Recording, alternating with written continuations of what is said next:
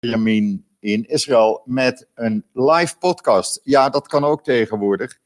Uh, u kunt daarop reageren via Twitter als u dat wilt. Dan zal ik uw vragen gelijk beantwoorden. Uh, en ik doe deze live podcast een aantal keren per uh, vandaag. Ik heb het vanmorgen vroeg al gedaan. het heeft alles te maken met de verkiezingen in Israël, die, zoals u weet, op dit moment gaande zijn. De opkomst lag om 10 uur al 15% hoger dan uh, bij de vorige verkiezingen in april.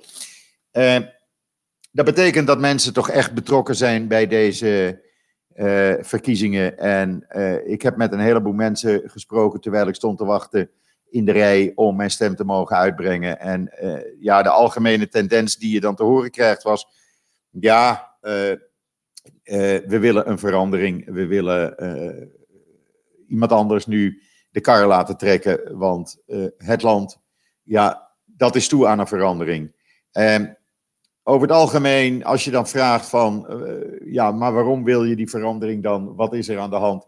Dan zegt men toch van, uh, ja, luister, er is zoveel gerommel bij de huidige regering, laat ik het netjes zeggen. We willen nu dat iemand anders de kar gaat trekken en iemand anders de kans krijgt Israël te gaan leiden in de komende jaren.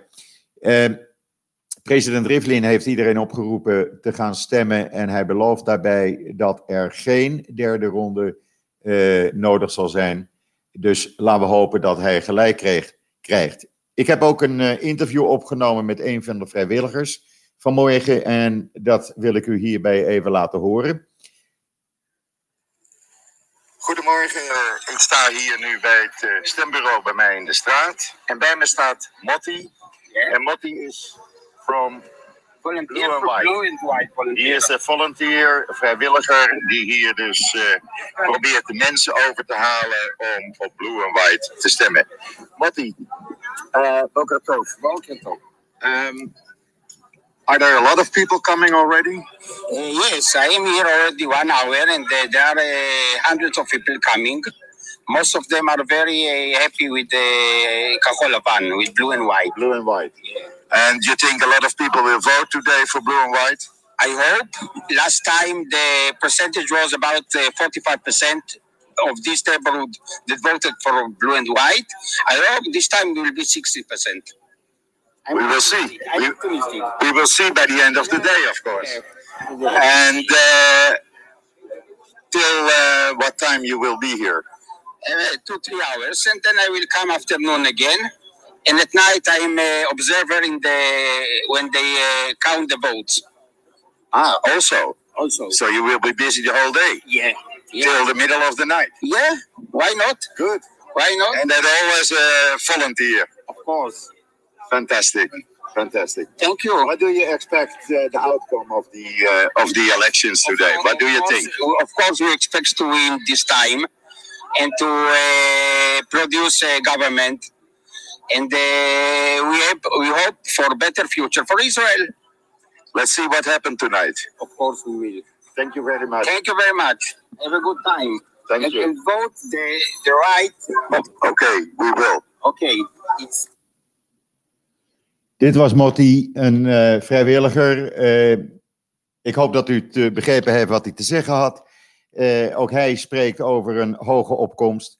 En hoopt dat zijn partij, Blue and White, van Benny Gans en Gabi Askenazi nu in plaats van 45% bij de vorige verkiezingen, nu uit zal komen op 60% en misschien zelfs hoger. Ehm, we zullen het zien vanavond. wat opvalt hier het is natuurlijk heerlijk weer, 32 graden. Mensen stemmen vroeg of gaan vanavond laat nog naar de stembus. En uh, daarna, uh, uh, na het stemmen, ja, ik moest even wat brood en beleg halen in de mol. En je kan daar werkelijk over de hoofden lopen. Er zijn allerlei activiteiten, ook voor kinderen in de mol, zodat de ouders kunnen winkelen en de kinderen worden bezig gehouden. Daarnaast, ik ben even langs het strand gereden, heel snel.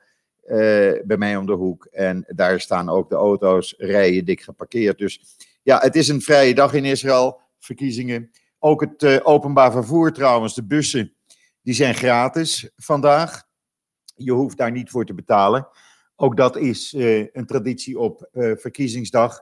En ja, we zullen zien wat daar de resultaten van zullen zijn aan het eind van, van deze dag.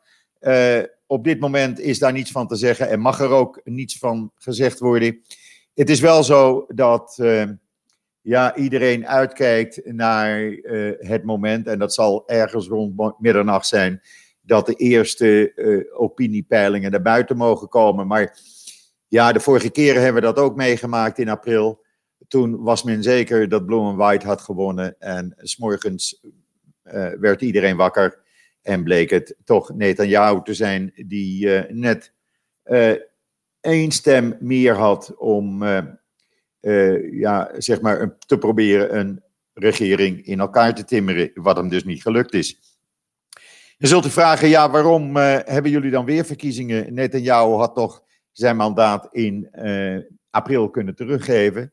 Ja, ook dat had hij moeten doen. Alleen dat deed hij niet, want hij besloot om de Knesset te ontbinden, stand te peden, waardoor er dus uh, gedwongen nieuwe verkiezingen moesten worden uitgeschreven. Dat was zijn tactiek.